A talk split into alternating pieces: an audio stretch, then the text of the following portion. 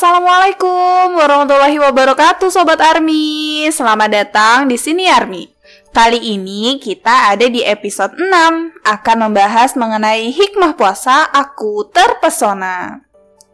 Kali ini uh, akan bersama saya Nurul Fajriyah relawan host di Sini Army. Kalau teman-teman dengar episode sebelumnya itu ada Kak Isna dan Kak Sigit yang memperkenalkan diri sebagai host magang di Sini Army. Sekarang sama Nurul Fajriyah um, seorang relawan di Sini Army. Anggap saja seperti itu. Oke, lanjut bahas topik. Kenapa kok ujuk-ujuk bahas hikmah puasa? Teman-teman pasti udah pada tahu. Tinggal menghitung hari, kita bakalan bertemu dengan bulan yang suci dan penuh keberkahan, yaitu bulan Ramadan. Nah, selain istimewanya karena banyak amal yang Allah lipat gandakan di bulan Ramadan, teman-teman tahu kan, di bulan ini itu ada dua rukun Islam yang Allah perintahkan untuk kita tegakkan. Apa aja? Yaitu berpuasa dan zakat. Semakin spesifik lagi di episode kali ini, kita akan membahas tentang berpuasa. Bahwasannya, puasa bukan hanya ritual menahan lapar dan dahaga dari terbit fajar sampai terbenam matahari, tapi juga lebih dari itu. Di dalamnya terdapat banyak hikmah, banyak pelajaran, banyak manfaat yang bisa kita pelajari, yang bisa kita ketahui seperti itu perihal puasa, Allah sudah secara gamblang memerintahkan kita untuk berpuasa. Allah berfirman dalam Quran surah Al-Baqarah ayat 183 yang artinya, Hai orang-orang yang beriman, diwajibkan atas kamu berpuasa sebagaimana diwajibkan atas orang-orang sebelum kamu, agar kamu bertakwa. Nah, uh, mungkin ada beberapa dari kita yang mempertanyakan siapa orang sebelum kita yang berpuasa gitu. Ternyata dari nabi-nabi sebelumnya juga udah puasa nih teman-teman kayak Nabi Adam, ada Nabi Nuh juga yang salah satu puasanya selama uh, uh, selama Nabi Nuh ada di atas kapal. Terus juga ada ayahnya Nabi Yusuf yaitu Nabi Yakub yang berpuasa untuk memohon kepada Allah supaya Allah menjaga keselamatan anak-anaknya. Terus juga ada Nabi Yusuf yang salah satu puasanya bikin saya kagum yaitu saat dia mengendalikan pemerintahan Mesir pada zamannya sebagai Perdana Menteri. Dia berpuasa berselang-selang hari guna terus mengingat amanah yang diembannya agar ia tidak melupakan nasib rakyatnya yang lapar gitu, Masya Allah. Terus juga ada Nabi Ibrahim, ada Nabi Musa, ada Nabi Yunus, Nabi Shu'aib, dan Nabi Ayub. Ada juga Nabi Daud yang uh, sampai saat ini uh, umat muslim menjalaninya puasa Nabi Daud itu sendiri. Terus pastinya ada Rasulullah Shallallahu Alaihi Wasallam yang tidak hanya perihal puasa, tapi segala hal tentangnya bisa kita teladani. Beliau adalah manusia mulia yang senantiasa dimuliakan oleh Sang Maha Mulia Allah Subhanahu Wa Taala. Nah, pasti Selain yang saya sebutkan, pastinya ada nabi dan tokoh muslim lain yang juga menerapkan puasa dalam hidupnya untuk membuktikan ketakwaannya kepada Allah Subhanahu wa taala.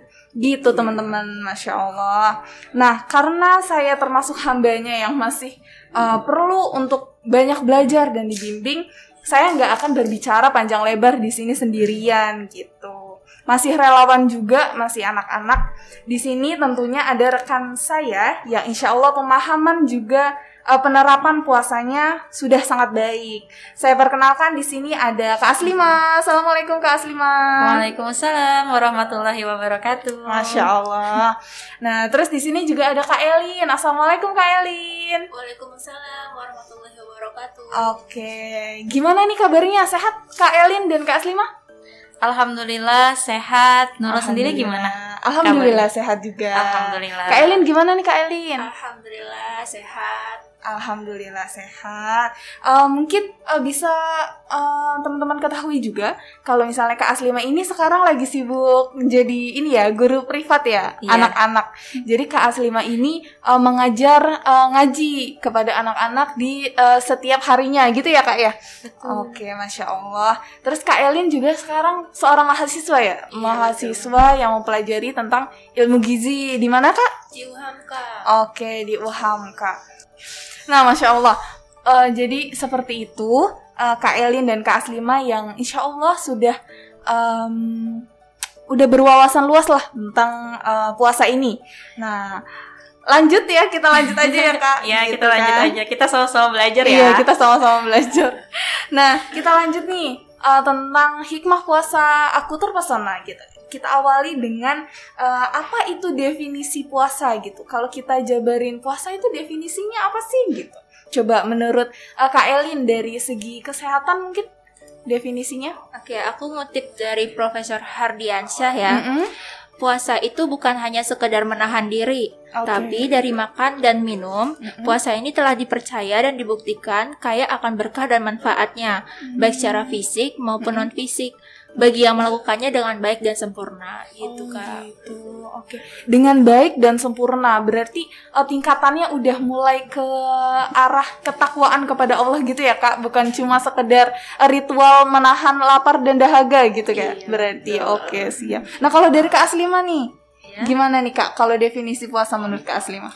Kalau definisi puasa menurutku mungkin sebelum dari aku pribadi, aku ingin mengutip definisi puasa yang dibawakan oleh Ustadz Adi Hidayat. Oh iya, Masya Allah. Itu puasa itu ada tiga pengertiannya. Yang pertama dari sisi bahasa Arab yaitu saum. Allah. Saum itu artinya puasa secara umum atau luas gitu. Puasa misalkan nih kalau teman-teman pernah ada yang lihat seseorang yang hanya makan makannya itu ditahan tapi dia tetap minum itu disebutnya saum juga. Oke. atau misalkan ketika marah dia tidak ingin bicara gitu ya. Maksudnya dia akan menahan bicara kepada kalian itu disebutnya juga saum. Seperti ibunda kita ibunda Maryam sallallahu eh, ibunda Maryam alaihassalam waktu itu beri, beliau memiliki seorang anak yaitu Nabi Isa dan kita tahu ya bahwa Maryam itu adalah seorang perempuan mulia yang terjaga yang sangat terhormat gitu kemuliaannya namun saat ingin balik ke rakyatnya, saat ingin balik ke keluarganya, beliau bingung harus berbicara seperti apa. Lalu akhirnya Allah turunkan surat Maryam. Ada nanti teman-teman bisa cek ayatnya, saya lupa, nanti bisa dicek aja. Itu Allah memerintahkan untuk berpuasa, berbicara kepada uh, mereka. Jadi sehingga Allah mengirimkan mukjizatnya kepada Nabi Isa agar Nabi Isa yang berbicara walaupun dia masih bayi Oh, gitu. gitu. Itu menurut yang pertama ya arti kata saum. Lalu yang kedua ada arti kata asyam. Asyam itu artinya puasa car- secara khusus seperti yang kita lakukan di bulan Ramadan yaitu menahan makan, menahan minum, terus menahan amarah gitu ya, khusus intinya. Dan yang ketiga yaitu adalah imsak. Imsak itu artinya juga puasa, teman-teman. Waktu berpuasa seperti pada masa Rasulullah dulu ada em, ketika Rasulullah memerintahkan puasa lalu saat subuh Bilal tiba-tiba azan gitu teman-teman. Ya Allahu Akbar Allahu Akbar. Lalu mereka kaget hah waktunya sudah selesai makan padahal misalkan lagi nyuap belum selesai dikunyah Iya, gitu betul. ya. Terus tiba-tiba ada uh, ada azan dari Bilal dan semuanya kaget. Akhirnya mereka pun mengadukan kepada Rasulullah Shallallahu Alaihi Wasallam. Ya Rasulullah kok Bilal tiba-tiba azan ya? Padahal nggak ada pengingat. Lalu akhirnya dibuatlah imsak atau waktu berpuasa sebagai penanda bahwa puasa sudah harus dilaksanakan. Oke. makanya kalau teman-teman melihat jadwal imsakiyah itu artinya mungkin 10 menit lagi azan akan berkumandang dan waktunya sudah mulai untuk berpuasa Hmm, gitu. teman-teman. Dan kalau dari aku pribadi eh, puasa itu adalah suatu momen yang istimewa karena yang pertama mungkin kita bisa berkumpul keluarga Oh, iya, gitu ya. betul. atau mungkin yang kedua kita melaksanakan rukun iman yang telah Allah tetapkan dan sebagai penghapus dosa sih gitu. iya nggak sih Oke, karena iya, betul-betul. setan terbelenggu Hmm. jadinya kita lebih fokus beribadah insya Allah Oke. seperti itu Iya. Nurul Oke siap. Wah masya Allah banget ya teman-teman. Nah terus ini juga nggak sih kak, kalau misalnya puasa itu adalah ibadah yang kalau kata Allah tuh khusus untukku gitu. iya Karena betul. dengan kita ibadah puasa, kenapa eh, Allah katakan eh, puasa itu bisa membuktikan ketakwaan? Karena eh, yang tahu puasa itu cuma diri kita sendiri sama Iya. Allah ya kak. iya betul Jadi kalau misalnya pun kita bilang puasa padahal tidak puasa, hanya Allah yang tahu.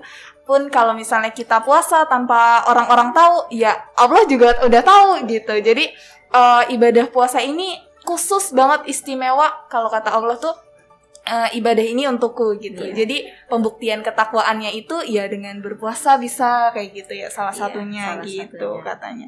Nah tadi Kak Elin udah nyinggung nih kalau misalnya puasa itu sebenarnya dari segi kesehatan juga banyak banget manfaatnya. Nah terus kalau misalnya untuk eh, kesehatan tubuh baik eh, kita sebagai orang dewasa atau untuk anak-anak apa aja sih kak sebenarnya kak kalau misalnya dijabarin lagi manfaatnya itu kebaikannya? Eh, manfaatnya banyak banget ya pastinya. Hmm, Eh, yang pertama itu bisa mengontrol gula darah. Oke. Nah, banyak dari sejumlah studi menyebut bahwa puasa ini dapat mengontrol gula darah Hmm. karena pembatasan asupan kalori dalam tubuh saat orang berpuasa dapat mengurangi resistensi Mm-mm. insulin. Oh insulin. Jadi dengan mengurangi resistensi insulin ini sensitif sensis sensitivitas tubuh meningkat sehingga Oke. glukosa dari aliran darah bisa pindah ke sel tubuh sehingga lebih le- efisien. Oh gitu. Masya Allah. Lalu yang kedua itu mengurangi peradangan. Mm-mm. Penelitian studi kecil membuktikan bahwa tingkat peradangan orang yang berpuasa lebih dari 20 12 jam sehari dapat menurun. Yang ketiga yaitu meningkatkan kesehatan jantung. Studi ini melibatkan 110 orang dewasa dengan kelebihan berat badan menunjukkan bahwa puasa selama 3 minggu dapat menurunkan tekanan darah, kadar triglyce- trigliserida, dan kolesterol jahat atau LDL dalam darah.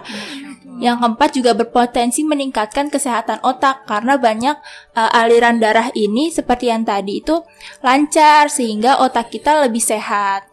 Lalu yang kelima, membantu penurunan berat badan Oke. sama membuat kulit lebih glowing. Nih biasanya perempuan nih suka banget nih kalau kayak gini. Diet ya. Iya benar. Tapi kalau lebaran nanti eh, tahan dulu, jangan makan rendang mulu. Kaget nanti badannya. iya, nanti tiba-tiba aduh 5 kilo aja naik. Ya Ya Allah. Allah. Gitu ya, teman-teman. Iya. Lanjut Tika ya. Mm-mm.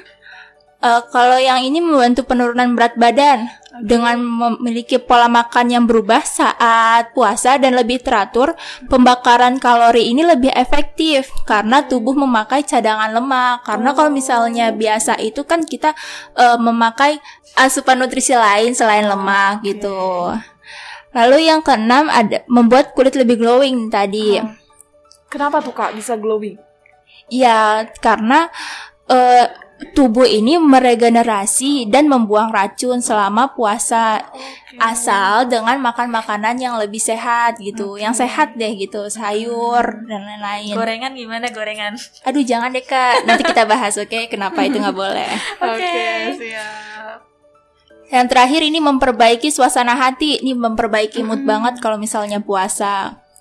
Karena detoksifikasi fisik dan mental berjalan lebih alami ketika puasa. Detoksifikasi ini terjadi selama puasa akan terurai dan meningkatkan hormon endorfin. Hormon endorfin ini yaitu kita biasa sebut ini hormon bahagia sehingga eh, orang-orang ketika berpuasa ini lebih lebih luas, lebih lapang gitu, lebih bahagia lah intinya. Detoksifikasi apa tuh, Kailin? Kayak pembuangan racun sih kak, lebih Oh tepatnya. gitu. Oh, pembuangan Oke, racun. siap. Iya sih bener ya. Kalau Iya. misalnya dilihat dari segi kesehatan itu kita coba mengistirahatkan, iya enggak sih kak? Mengistirahatkan tubuh kita untuk uh, menahan diri dari Oh ya Allah, makan rendang enak kali ya. Nasi padang uh, siang-siang enak kali ya. Kita tahan dulu, tahan dulu, tahan dulu gitu. Sampai selama sebulan itu kan bisa mengistirahatkan uh, organ-organ tubuh kita juga kayak gitu. Masya Allah Masya Allah. emang ya eh, ternyata tuh emang Allah tuh maha baik gitu ternyata teman-teman emang setiap eh, perintahnya selalu kebaikannya untuk kita juga gitu bukan atas eh, oh Allah maunya ini udah lakuin aja gitu Iya. Tapi sebenarnya setiap hal yang Allah perintahkan itu adalah eh, baik untuk kita adalah yang terbaik untuk kita. Jadi untuk anjuran berpuasa ini juga oh ternyata dari segi kesehatan eh, kita tahu tuh tadi dari Kak Elin penjabarannya oh banyak banget manfaatnya gitu. Masya Nah, kalau dari segi kejiwaan nih, mungkin Kak Aslima apa aja sih kak kalau misalnya dari segi kejiwaan? Kalau dari segi kejiwaan yang pertama ya dari artinya saja itu sudah Oh, menahan. Iya menahan. Menahan berarti mengendalikan diri. Mm-mm. Apalagi untuk anak-anak ya. Untuk Iya. anak-anak kan mereka masih yang emosinya tidak bisa terkontrol. Mm-mm. Nah, dengan berpuasa kita latih, kita kendalikan diri mereka agar bisa mengontrol secara natural apa yang Allah fitrahkan kepada anak-anak. Oke. Itu yang pertama. Bukan hanya anak-anak, tapi juga untuk orang dewasa nih, yang mungkin semakin bertambahnya usia, semakin em, sering Oh, marah-marah atau iya, sebagai betul. macamnya Ah, karena tuntutan dari kerjaan atau Mm-mm. tuntutan dari segala macamnya gitu ya. Yes. Dan dengan berpuasa kita berusaha untuk menahan sehingga terjadilah pengendalian diri itu. Lalu yang kedua adalah eh, kita melatih rasa syukur. Oh iya. Karena dengan berpuasa tandanya kan kita tidak makan nih ya. Kita bisa merasakan apa yang orang-orang tidak rasakan atau Oke. kita bisa merasakan apa yang orang-orang kurang mampu atau orang-orang yang tidak bisa Oh. membelikan eh, yang tidak bisa membeli makan itu rasakan juga. Jadi kita oke. merasa bersyukur ketika kita berpuasa. Oh iya, ternyata pas kita buka puasa ternyata enak banget ya minum doang gitu Iya betul. ra- melepas rasa dahaga Hmm. gitu kan dan itu akan menimbulkan syukur seperti Oke. itu jadi kejiwaannya lebih terkendali dan ketika terkendali ketika syukur maka Hmm. kita akan insya Allah akan memperoleh kesabaran Hmm. gitu Hmm. jadi berpuasa melatih itu terus anak-anak itu biasanya mereka akan tidak sabar ya Ah, iya. em, aku mau ini, aku mau puasa, eh aku mau buka Iya. gitu, aku mau buka gitu. Kadang mereka uh, dengan amarahnya karena belum tahu ya apa Iya. rasa apa itu rasa sabar. Mm-mm. Dengan amarahnya mereka ingin keinginan itu tercapai. Mm-mm. Maka kita sebagai orang dewasa pun juga belajar bersabar Ah. terhadap meng- menghadapi Ah, anak-anak ini karena pun kita juga sedang berpuasa Iya, seperti betul. itu. Jadi ibaratnya timbal balik nih antara Iya, anak-anak terus antara dewasa Oh, oh, juga timbal balik betul, melatih kesabaran. Iya betul. Seperti itu sih teman-teman. Oke, iya betul sih teman-teman. Jadi kalau misalnya puasanya udah tingkatan takwa nih ya kak, ya misalnya Mm-mm. untuk mengharap ridho Allah saja gitu. Kenapa tadi disebutkan ada bersabar, bersyukur, membuat jiwa kita jadi tenang, bahagia. Pada saat puasa kita memfokuskan diri untuk eh, berkomunikasi dengan Allah, untuk Iya. mendekatkan diri kepada Allah gitu. Betul. Terus dengan berpuasa juga kita jadi mengakui bahwasannya oh manusia itu ternyata emang lemah ya gitu. Dengan gak makan eh, dari terbit fajar sampai terbenam matahari aja udah lemes banget gini ya gitu. Oh ternyata nikmat Allah itu begitu banget istimewanya gitu. Iya, betul. Seperti itu teman-teman. Itu ya ternyata dari segi kejiwaan juga bikin kita lebih tenang. Kalau uh, puasa kita, uh, kalau kita menyempurnakan puasa kita dengan tujuan untuk uh, mendekatkan diri kepada Allah dan uh, bertakwa kepada Allah seperti itu. Seperti itu. Nah lanjut. Tadi dari segi kesehatan udah, Em, dari segi kejiwaan juga udah. Nah terus uh, melihat banyaknya hikmah puasa, kalau untuk anak-anak itu tadi kan Kak Aslima udah ngebahas nih uh, tentang anak-anak gitu bahwasannya puasa nggak cuma bisa dilakuin sama orang dewasa tapi uh, juga bisa diterapkan pada anak-anak gitu. Nah untuk usia idealnya itu umur berapa sih Kak? Uh, anak-anak mulai berpuasa mungkin Kak Elin? Iya, eh, menurut Islam eh, Islam itu kan menurut Islam itu kan eh, yang sudah boleh berpuasa itu yang balik gitu ya kak. Mm-mm. Nah kalau misalnya dari kesehatan dari dokter spesialis anak Mm-mm. empat tahun itu sudah bisa dianggap kalau dia itu sudah bisa berpuasa Ke- Oh, usia udah. tepatnya gitu Oh, kak gitu. untuk mengenal ibadah puasa Hmm. begitu. Oh jadi eh, kadang-kadang oh aku juga waktu SD eh, setengah hari nggak apa-apa kok Iya, puasa apa-apa. dulu gitu. Ya mungkin dari Kak Aslima ada yang mau disampaikan. Aku ada sih kalau aku bacanya dari anak umur 7 tahun. Oh dari anak umur tujuh Eh, eh, tahun. jadi oke. dari anak umur 7 tahun karena semakin kecil usia seorang anak maka cadangan glikogen yang dimilikinya semakin sedikit Oh, gitu. Dan akibatnya bayi atau balita lebih beresiko mengalami hipoglikemia yaitu Oh. berkurangnya kadar gula darah dalam tubuh. Oh, gitu. Ini pun aku dapat dari dokter ya, dapat dari dokter. maaf. Tapi harus juga nih dalam Islam dipertimbangkan terlebih dahulu apakah anaknya ini memiliki BB ideal, berat badan Oh, ideal badan, ha? dengan usianya dan perkembangan iya. yang baik di usianya. Ya, intinya kita harus memperhatikan tumbuh kembang anak gitu Oke, loh sebelum siap. menyuruhnya berpuasa. Oke. Dan juga Nabi itu Nabi Sal- Nabi kita Nabi Muhammad Shallallahu Mhm. Alaihi Wasallam memerintahkan kita juga agar memperhatikan kondisi kesehatan si anak. Apakah si anak ini mampu berpuasa Mhm. atau memiliki penyakit dan sebagainya Oh, macamnya gitu ya. Dan juga kalau ada yang menangis nih, misalkan kita suruh puasa nih, Hmm. menangis karena lapar gitu.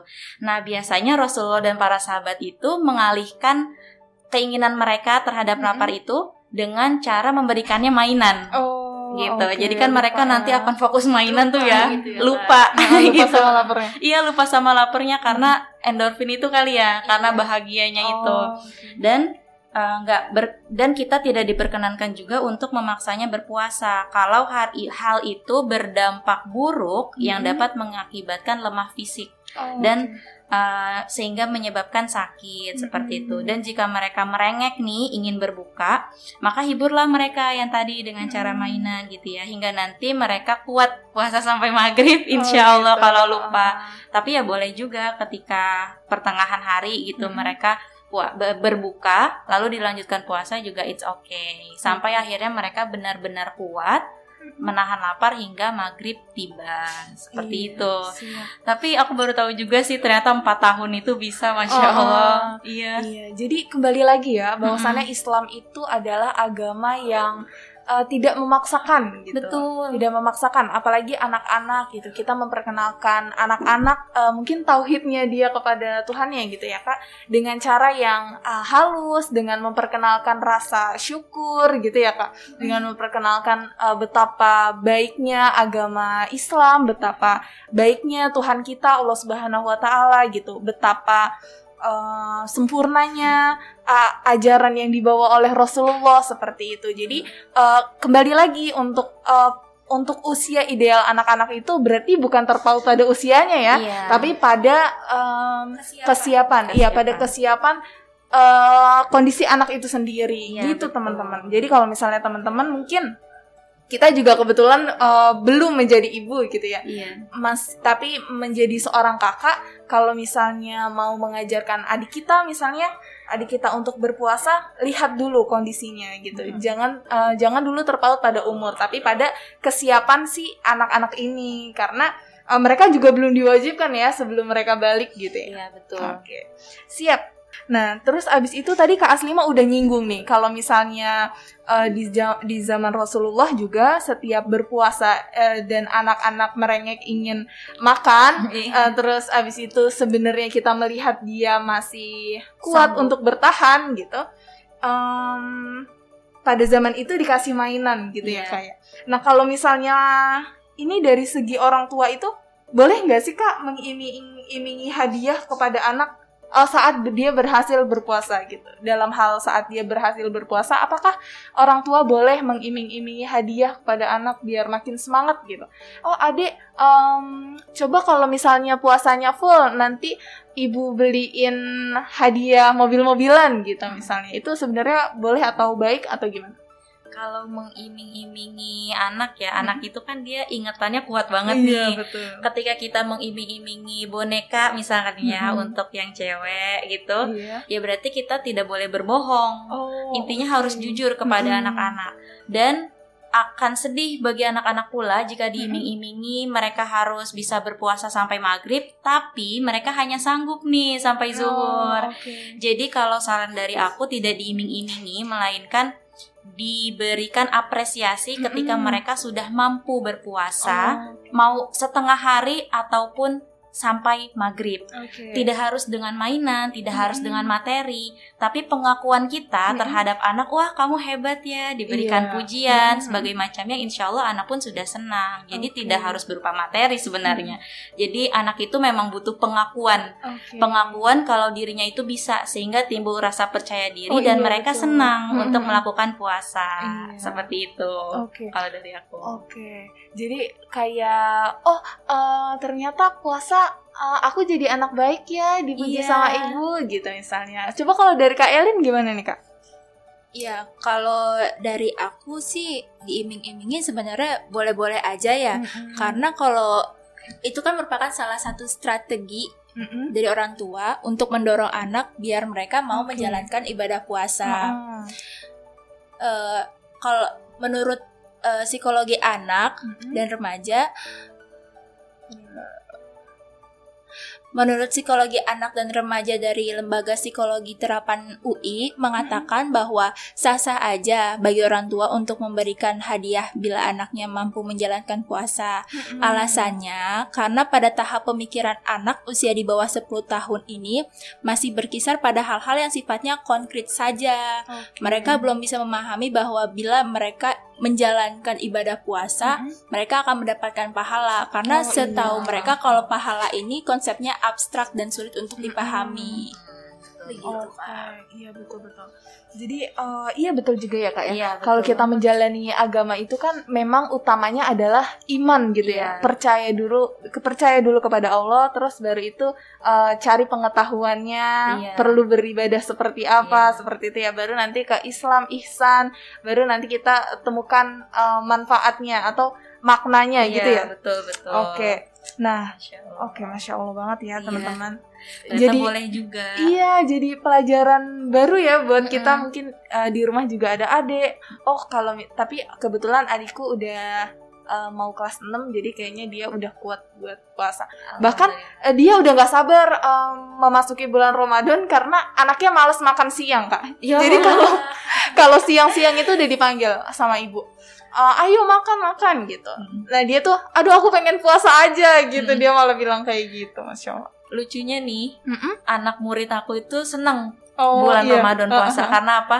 Karena kalau dia berhasil sampai maghrib dia akan dapat uang. Oh gitu. Jadi dia Oke, senang siap, karena siap. iya Uh-uh. senang karena pasti uang dia akan jadi banyak Oh, nih iya, waktu bulan betul. Ramadan Uh-uh. belum lagi lebaran nanti Iya, plus betul plus hadiah dari Ramadan ah, dari orang tuanya Uh, gitu uh, kan. uh, uh, betul. Berarti uh, orang tuanya Kak Aslima juga termasuk yang apa ya memberikan apresiasi ya. Iya, Kepa- kalau iya. apresiasi iya, tapi kalau diiming-imingi sih tidak. Mm-mm. Tapi apresiasi iya. Iya. Misalkan dari inisiatif aku berhasil sampai setengah hari, maka diberikan sesuatu Hmm. gitu. Jadi tidak diiming-imingi. Tapi ternyata boleh juga diiming-imingi karena Iya. pemikiran anaknya itu tadi ya kayak Lin ya. Uh, uh, termasuk strategi ya, Heeh, strategi, orang tua. Oke, siap. Nah, terus em, biasanya nih kalau misalnya tadi kita udah omongin kalau misalnya anak-anak eh, suka kayak lapar di tengah tengah hari misalnya gitu atau misalnya kita kita juga ya ngerasa eh, ngerasa lapar misalnya jam 10 tuh biasanya jam 10 lapar banget pas puasa. Lapar terus habis itu lemes ya kan Mm-mm. Padahal tadi kata Kak Elin em, rasa bahagianya itu meningkat gitu. Tapi sebenarnya kita juga ngerasain lemes kok gitu kan. Iya. Nah terus eh, bicara tentang nutrisi selama bulan puasa apa nih kak? Biar eh, ngejaga kita nggak lemes gitu, biar tetap fit selama hari-hari gitu gimana sih kan nutrisinya? Oke, cara tepatnya mungkin mengkonsumsi makanan beragam yang Mm-mm. mengandung yang mengandung unsur nutrisi lengkap sesuai dengan kebutuhan tubuh. Jadi kalau misalnya kita udah tahu kebutuhan tubuh kita berapa, Mm-mm. itu akan lebih gampang untuk konsumsi biar kita puasanya nggak lemes Oke gitu. siap. Nah, kalau lemes itu kan biasa karena ada proses adaptasi tubuh. Oh. Biasanya kalau kayak gitu harap dimaklumi aja sih karena kan Oke. biasa kalau hari biasa itu kita Mhm. makan eh, nggak teratur gitu, Oh, iya. makannya banyak, nggak sesuai porsi gitu. Mm-mm. Ya, jadi kalau misalnya awal puasa kadang suka kaget Iya, gitu betul. sampai lemes gitu kan. Dimaklumi ya. Iya dimaklumi. Diwajarkan untuk diri. iya. Iya siap. Lanjut. Oh, iya iya. Oh, kayak gitu ternyata ya. Eh itu termasuk eh, rasa lapar itu di awal-awal puasa itu termasuk penyesuaian, iya. Lemas rasa lemas. Ah, ah, rasa lemas dan rasa lapar itu termasuk penyesuaian diri karena sebelumnya eh, kita setiap lapar langsung makan, setiap lapar langsung makan gitu kan. Terus eh, pas puasa harus menahan diri, harus mengendalikan diri untuk tetap eh, menjalankan ibadah puasa itu. Ternyata termasuk penyesuaian, Iya. penyesuaian adaptasi, adaptasi tubuh gitu. Nah kalau dari Kak Aslima sendiri, biasanya puasa sahur berbuka Kak Aslima nutrisinya apa sih Kak makannya? Aduh, kayaknya itu bukan ahli aku, Oh, tapi ke Elin. Oke, Kalau siap. yang aku baca, aku yang ba- aku baca ya, Uh-uh. ini bukan dari aku pribadi, jadi mohon maaf kalau ada salah. Oke. Itu protein udah pasti ya Kak Elin ya? Uh-uh. Protein Oke. supaya jadi sumber energi. Mm. Terus karbohidrat juga jangan terlalu banyak, mungkin karena kebanyakan makan nasi juga, jadinya lemes nih. Ngantuk, Oh, ngantuk. gitu. Oh, iya ngantuk betul. juga. Terus jangan lupa makan buah-buahan juga Hmm. supaya seratnya ya kak ya, supaya seratnya juga eh, masuk ke kita. Apalagi ya yang aku tahu Pembagian gitu air sih. minum. Kita Oh air ini minum. kak, iya kak Elin. Kalau misalnya minum itu kita sehari idealnya berapa sih? Nah itu kan pas puasa tuh kan kebagi tuh waktunya. Nah itu gimana tuh kak? Iya. Eh, pembagian minumnya 8 gelas sehari atau Hmm. setara dengan 2 liter. Oh gitu, oke. Jadi mungkin bisa dibagi-bagi deh tuh ya. Sahur eh, minum berapa gelas, terus nanti berbuka sampai mau tidur minum berapa gelas, biar em, kadar air dalam tubuh kita bisa seimbang juga Hmm, gitu ya. terjaga. Nah terus sesuai sunnah Rasul ya kak ya, harus eh harus eh, bisa kita makan kurma ya untuk iya Pas berbuka. Iya pas berbuka ya makan kurma itu juga bisa teman-teman gitu. Kalau dari Kak Elin kurma mungkin? Boleh. Malah Mm-mm. kurma kalau misalnya saat berbuka puasa itu Heeh. sangat dianjurkan. Oh gitu sangat dianjurkan. Eh, Oke tadi kita udah tahu tuh ternyata eh, kurma juga eh, dianjurkan. Terus abis itu minum 8 kali 8 gelas per hari atau minimal 2 liter dalam tubuh gitu. Nah terus nutrisi lainnya apa lagi nih kak? Nah, biasanya nih kalau misalnya berbuka sama sahur ya, kalau sahur itu upayakan makan walaupun sedikit gitu. Oh, Makan makanan biasanya mengandung karbohidrat dan serat. oh gitu. Perbanyak konsumsi air sama kurangin konsumsi gorengan sama garam. Oke. Gitu. Nah, kalau berbuka, pastiin berbuka dengan yang manis kayak kolak, tadi kurma, teh manis hangat. Terus hindari konsumsi makanan asam dan pedas. Nih biasanya cewek-cewek kalau misalnya buka berbuka itu pengennya nyari yang bakso terus makannya yang Oh, pedes-pedes gitu. Kayaknya mantep banget. Oke. itu. Terus konsumsi makanan karbohidrat, Mm-mm. makan sayur dan buah, kurangin gorengan sama kayak sahur tadi. Kenapa dikurangin gorengannya? Iya, kenapa ya? tuh kak? Karena ada lemak trans atau lemak jahat yang nimbulin kars yang menimbulkan karsinogenik. Karena minyak ini kan kalau misalnya kita pak beli di luar dia dipakai berulang-ulang kali Oh, gitu. Nah, terus minyak ini kan eh, sulit untuk diserap dalam tubuh gitu. Sulit untuk dipecah, maaf. Sulit dipecah dalam tubuh. Makanya eh, saat berpuasa eh, kita harus menghindari, mengurangi, Mm-mm. mengurangi eh, konsumsi goreng-gorengan. Oh, gitu. Oh, padahal gorengan enak Iya, ya. padahal- Kalau buka puasa, apalagi pakai teh manis anget. Mm. Oh iya betul. gitu. Masya Allah. Oke. Untuk membuka puasa, untuk pas buka puasa juga kita bisa ya minum yang hangat-hangat ya kak. Biar apa lambungnya nggak kaget gitu nggak sih sama Iya. yang dingin-dingin Mm. jangan ya? Iya. Yang dingin juga jangan. Kalau dingin mungkin pas nanti setelah berbuka kali ya. Oh, jadi awalan itu minuman anget dulu gitu ya? Setelah tarawih mungkin ya kalau Oh. misalnya ma- minuman dingin. Oke siap. Ini nggak apa-apa kok sesuaikan saja sama uh, tubuh masing-masing gitu. Masya Kak, ah, ah. Terakhir Kak, Apa? Kalau misalnya berbuka jangan sampai berlebihan. Oh iya. Tiduran pas sholat tarawih. Oh iya betul. Ngantuk-ngantuk. iya malah ngantuk-ngantuk lagi. Padahal yang utama di bulan Ramadan itu adalah ibadahnya. Iya. Meskipun Meskipun iya belum lagi. imam yang bacanya panjang. Oh iya. Masya- Gitu teman-teman. Jadi harus seimbang lah pokoknya gitu. Harus tetap eh, pun berpuasa atau berbuka harus tetap menahan dan mengendalikan diri gitu. Jangan eh, pas puasa ngebayangin eh, ya Allah rendang eh rendang lagi enggak jangan.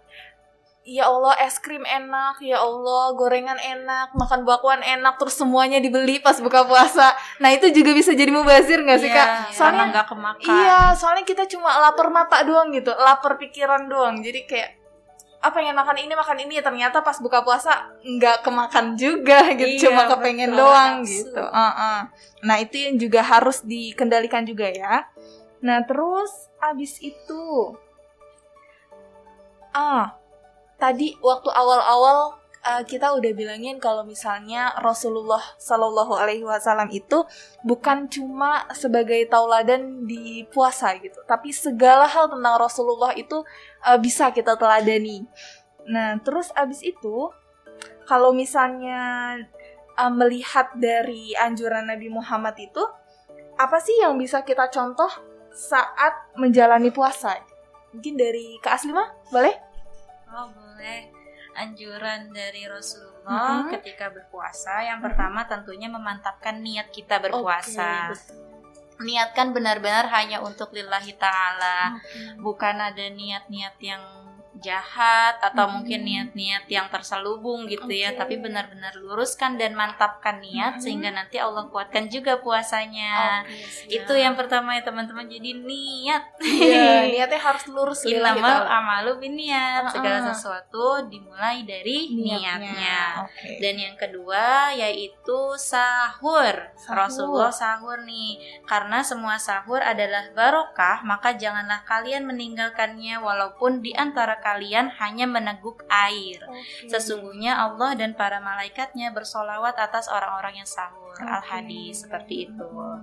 Lalu yang ketiga ada juga menyegerakan berbuka. Oke. Jadi ketika sudah azan bukan berarti cepat langsung cut, cut, cut, cut, gitu ya Ah. ngambil makanan banyak Iya. tapi menyegerakan artinya jangan ditunda-tunda Oh. kalau sudah azan langsung ya minimal air putih dulu gitu ya Mm. untuk yang lagi di jalan kayak gitu Oke. menyegerakan berbuka lalu yang keempat ketika Mm. kita berbu ketika kita ini ya para muslimah ciwi-ciwi yang sedang Mm. tidak berpuasa Mm. kita memberi makan atau menyiapkan orang yang sedang berpuasa Oh, gitu. Oke, Iya, insya Allah pahalanya sama dengan gitu. orang yang berpuasa. Oke, Yang kelima, eh, banyak beribadah. Mm-mm. Tentunya, apalagi beribadah saat malam hari, Oke. gitu ya. Itu pasti akan lebih senang lagi, Hmm. akan lebih kuat lagi, dan akan lebih imannya tuh jadi semakin mantap lagi gitu Iya. terhadap Allah. Dan Oke. lupa bersedekah juga perbanyak istighfar dan perbanyak doa karena salah satu doa mustajab adalah ketika kita sedang berpuasa. Iya, betul sekali gitu ya, teman-teman. Bisa dicatat ya. Biar bisa nanti langsung dipraktekkan saat bulan Ramadan gitu. Oh ya Iya. jangan lupa tadarus Qur'annya. Nah, betul. Tadarus Quran juga jangan lupa gitu. Kenapa Kak? Tadarus Quran jangan lupain. Karena di bulan puasa itu kita tahu ada malam nuzulul Quran. Oke. gitu Quran ya. juga diturunkan saat bulan Ramadan ya, Iya betul. Betul. Jadinya bulan Ramadan tuh kita perbanyak mendekat kepada Al-Qur'an Mhm. agar nanti kita semakin kuat lagi setelah Ramadan pulang atau Mhm. setelah Ramadan pergi Iya. kita semakin kuat dan semakin dekat lagi dengan Al-Qur'an. Lanjut Kak Elin. Apa nih Kak Elin kalau dari Kak Elin? Dari Oh, sama. Oke, samanya gimana tuh? Setuju sama Kak Aslima atau bagaimana? Iya, kalau aku setuju sama pendapatnya Kak Aslima. Tadi itu diawali dengan sahur, lalu menyegerakan berbuka, bukan memper, mem- memperbanyak. memperbanyak makanan gitu. Oke. Lalu eh, nah pas berbuka ini Rasulullah Mhm. hanya makan tiga biji kurma dan Oh. segelas air putih. Lalu segera berwudu dan sholat maghrib. Itu Oh, biasanya gitu. Rasulullah ini, ya Rasulullah jalankan. Lalu memperbanyak ibadah tadi kan, kayak Mhm. kata Aslima. Dan jangan lupa iktikaf. Itikaf. Belum. Iktikaf itu di 10 hari terakhir bulan Ramadan. Kenapa tuh Kak? eh, untuk meningkatkan aktivitas ibadah terutama eh, mendapatkan malam Lailatul Qadar Kak. Oh, Mencari malam Lailatul Qadar ya Iya, di iya. 10 malam terakhir, 10 hari terakhir Masya Allah. Kak, ak- Kak Elin aku mau nanya dong. Kalau misalkan dari segi kesehatan kita nggak sahur gimana tuh Kak? Iya. Iya, kan tadi eh, kalau bisa eh, upayakan makan Mhm. walau sedikit gitu. Walaupun 5 sendok makan juga nggak apa-apa lah gitu. Yang penting jangan sampai perut kita kosong. Karena akan apa sih Kak di lambung kita tuh? Dia akan menggiling bukan bukan makanannya ya yang Iya, tergiling. nanti yang eh, sebenarnya itu eh, penyerapannya malahan beda. Oh. penyerapan. Jadi harus sahur ya teman-teman. Kalau udah azan langsung minum aja tegukan air, seteguk air karena itu juga sahur. Iya betul sahur. Iya. Oke. Nah, terus udah banyak banget nih tadi yang kita bahas ya tentang berpuasa ini. Masya Allah. Nah, mungkin akhir nih kak, penutup akhir. Nah, kalau misalnya dari Kak Elin sendiri berbicara tentang gizi yang seimbang untuk kita konsumsi saat sahur, itu kalau dari Kak Elin sendiri kayak gimana sih kak? Aku pakai pembagian rata eh, pada umumnya aja kali ya. Mhm. Eh, 50% untuk buka puasa atau setara dengan 10 eh 1050 kilokalori. Lalu 40% sahur setara dengan 840 kilokalori, 10% tarawih dengan eh setara dengan 210 kilokalori. Gitu. Nah, untuk kal eh, tarawih ini konsumsi makan masih diperbolehkan, tetapi dengan jangka waktu 1-2 jam sebelum tidur. Kalau misalnya em, habis makan juga nggak boleh tidur ya? Iya. Gitu ya? Ha-ha, jadi habis sahur juga nggak boleh tidur tuh teman-teman. Harus ditahan dulu. Kenapa? Karena kenapa kayaknya? Kalau misalnya sahur kan kalau kata orang tua jangan tidur gitu. Mm-mm. Udah jangan tidur dulu, jangan langsung tidur kalau kata orang tua gitu kan kalau puasa. Nah, itu kenapa sih Kak kalau dari oh, kesehatannya?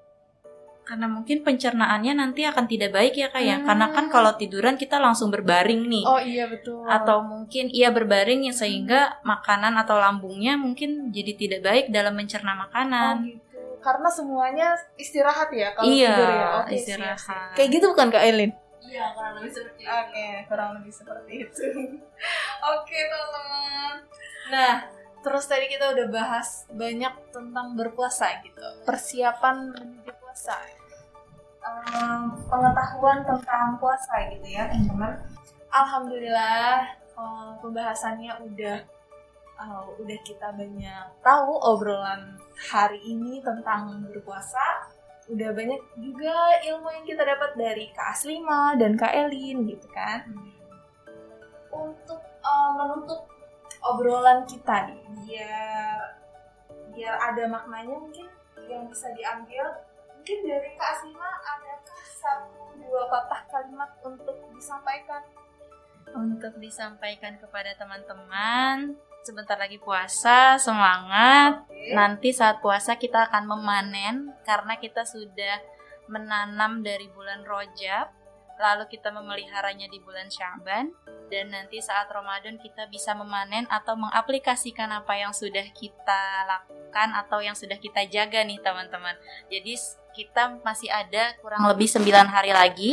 Persiapkan yang telat mungkin yang telat menanam persiapkan Insya Allah nanti Allah mudahkan dan ingat ketika tadarus Quran jangan terlalu cepat mau hatam tapi bacaannya belepotan jadi pelan-pelan saja. Kita punya target pasti punya target hatam tapi jangan lupa Al-Quran itu juga mulia jadinya harus dibaca tartil perlahan-lahan. Kalau bisa sambil di pelajari juga artinya agar semakin mm, kuat lagi nih. Apa sih yang Allah maksud dalam Al-Quran? Karena Ramadan itu bulannya Al-Quran juga Masya Allah. Lanjut ke Kak Elin mungkin. Kalau dari aku, eh, puasa itu penting, tapi jangan sampai mengaba- mengabaikan kesehatan dalam diri. Eh, tidak boleh makan selama puasa bukan berarti gak boleh olahraga atau aktivitas fisik lain. Maka selama puasa pun kita harus tetap terjaga kebugaran diri biar tetap sehat. Oh iya, eh, untuk menu sahur tadi kan aku bilang eh, hanya karbohidrat dan serat. Nah, tambahan lainnya juga protein karena protein juga sangat penting saat eh, berpuasa gitu. Jangan lupa gizi seimbang empat pilarnya. Apa tuh Kak? Eh, gizi seimbang empat pilar itu yang pertama ada konsumsi makanan beragam, yang kedua membiasakan perilaku hidup bersih, yang ketiga melakukan aktivitas fisik, yang keempat mempertahankan dan memantau berat badan normal. Masya Allah. Olahraga ya ternyata nggak boleh lupa Iya, juga nih.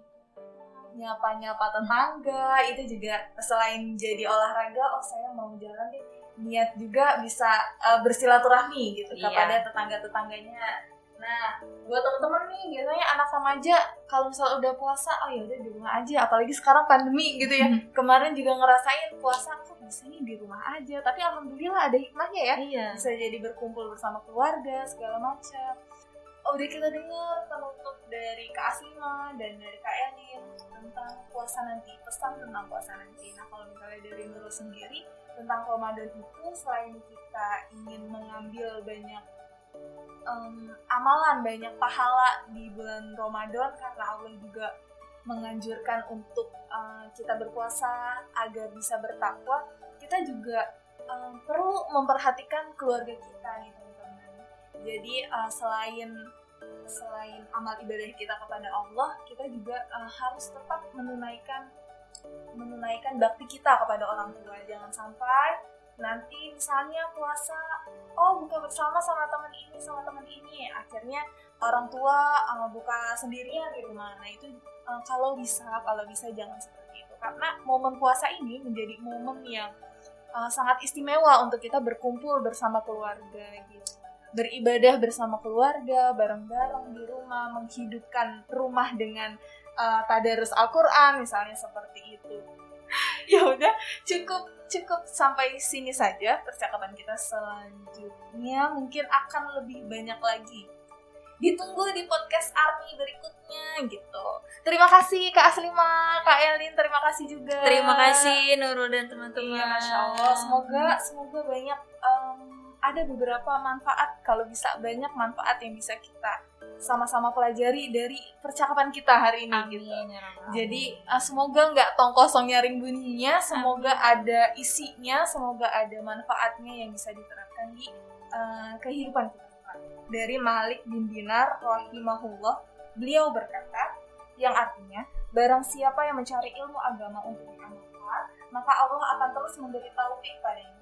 Sedangkan barang siapa yang mencari ilmu bukan untuk diamalkan, maka ilmu itu hanya sebagai kebanggaan atau kesombongan bagi uh, dirinya sendiri. Semoga Allah menjauhkan kita tuh dari uh, golongan orang-orang yang seperti itu. Semoga um, langkah kita dalam mencari ilmu, dalam mencari pemahaman adalah langkah-langkah baik yang semakin mendekatkan kita pada kebaikan, banyak kebaikan dan semakin meningkatkan ketakwaan kita kepada Allah Subhanahu wa taala. Kurang lebihnya mohon maaf teman-teman semuanya.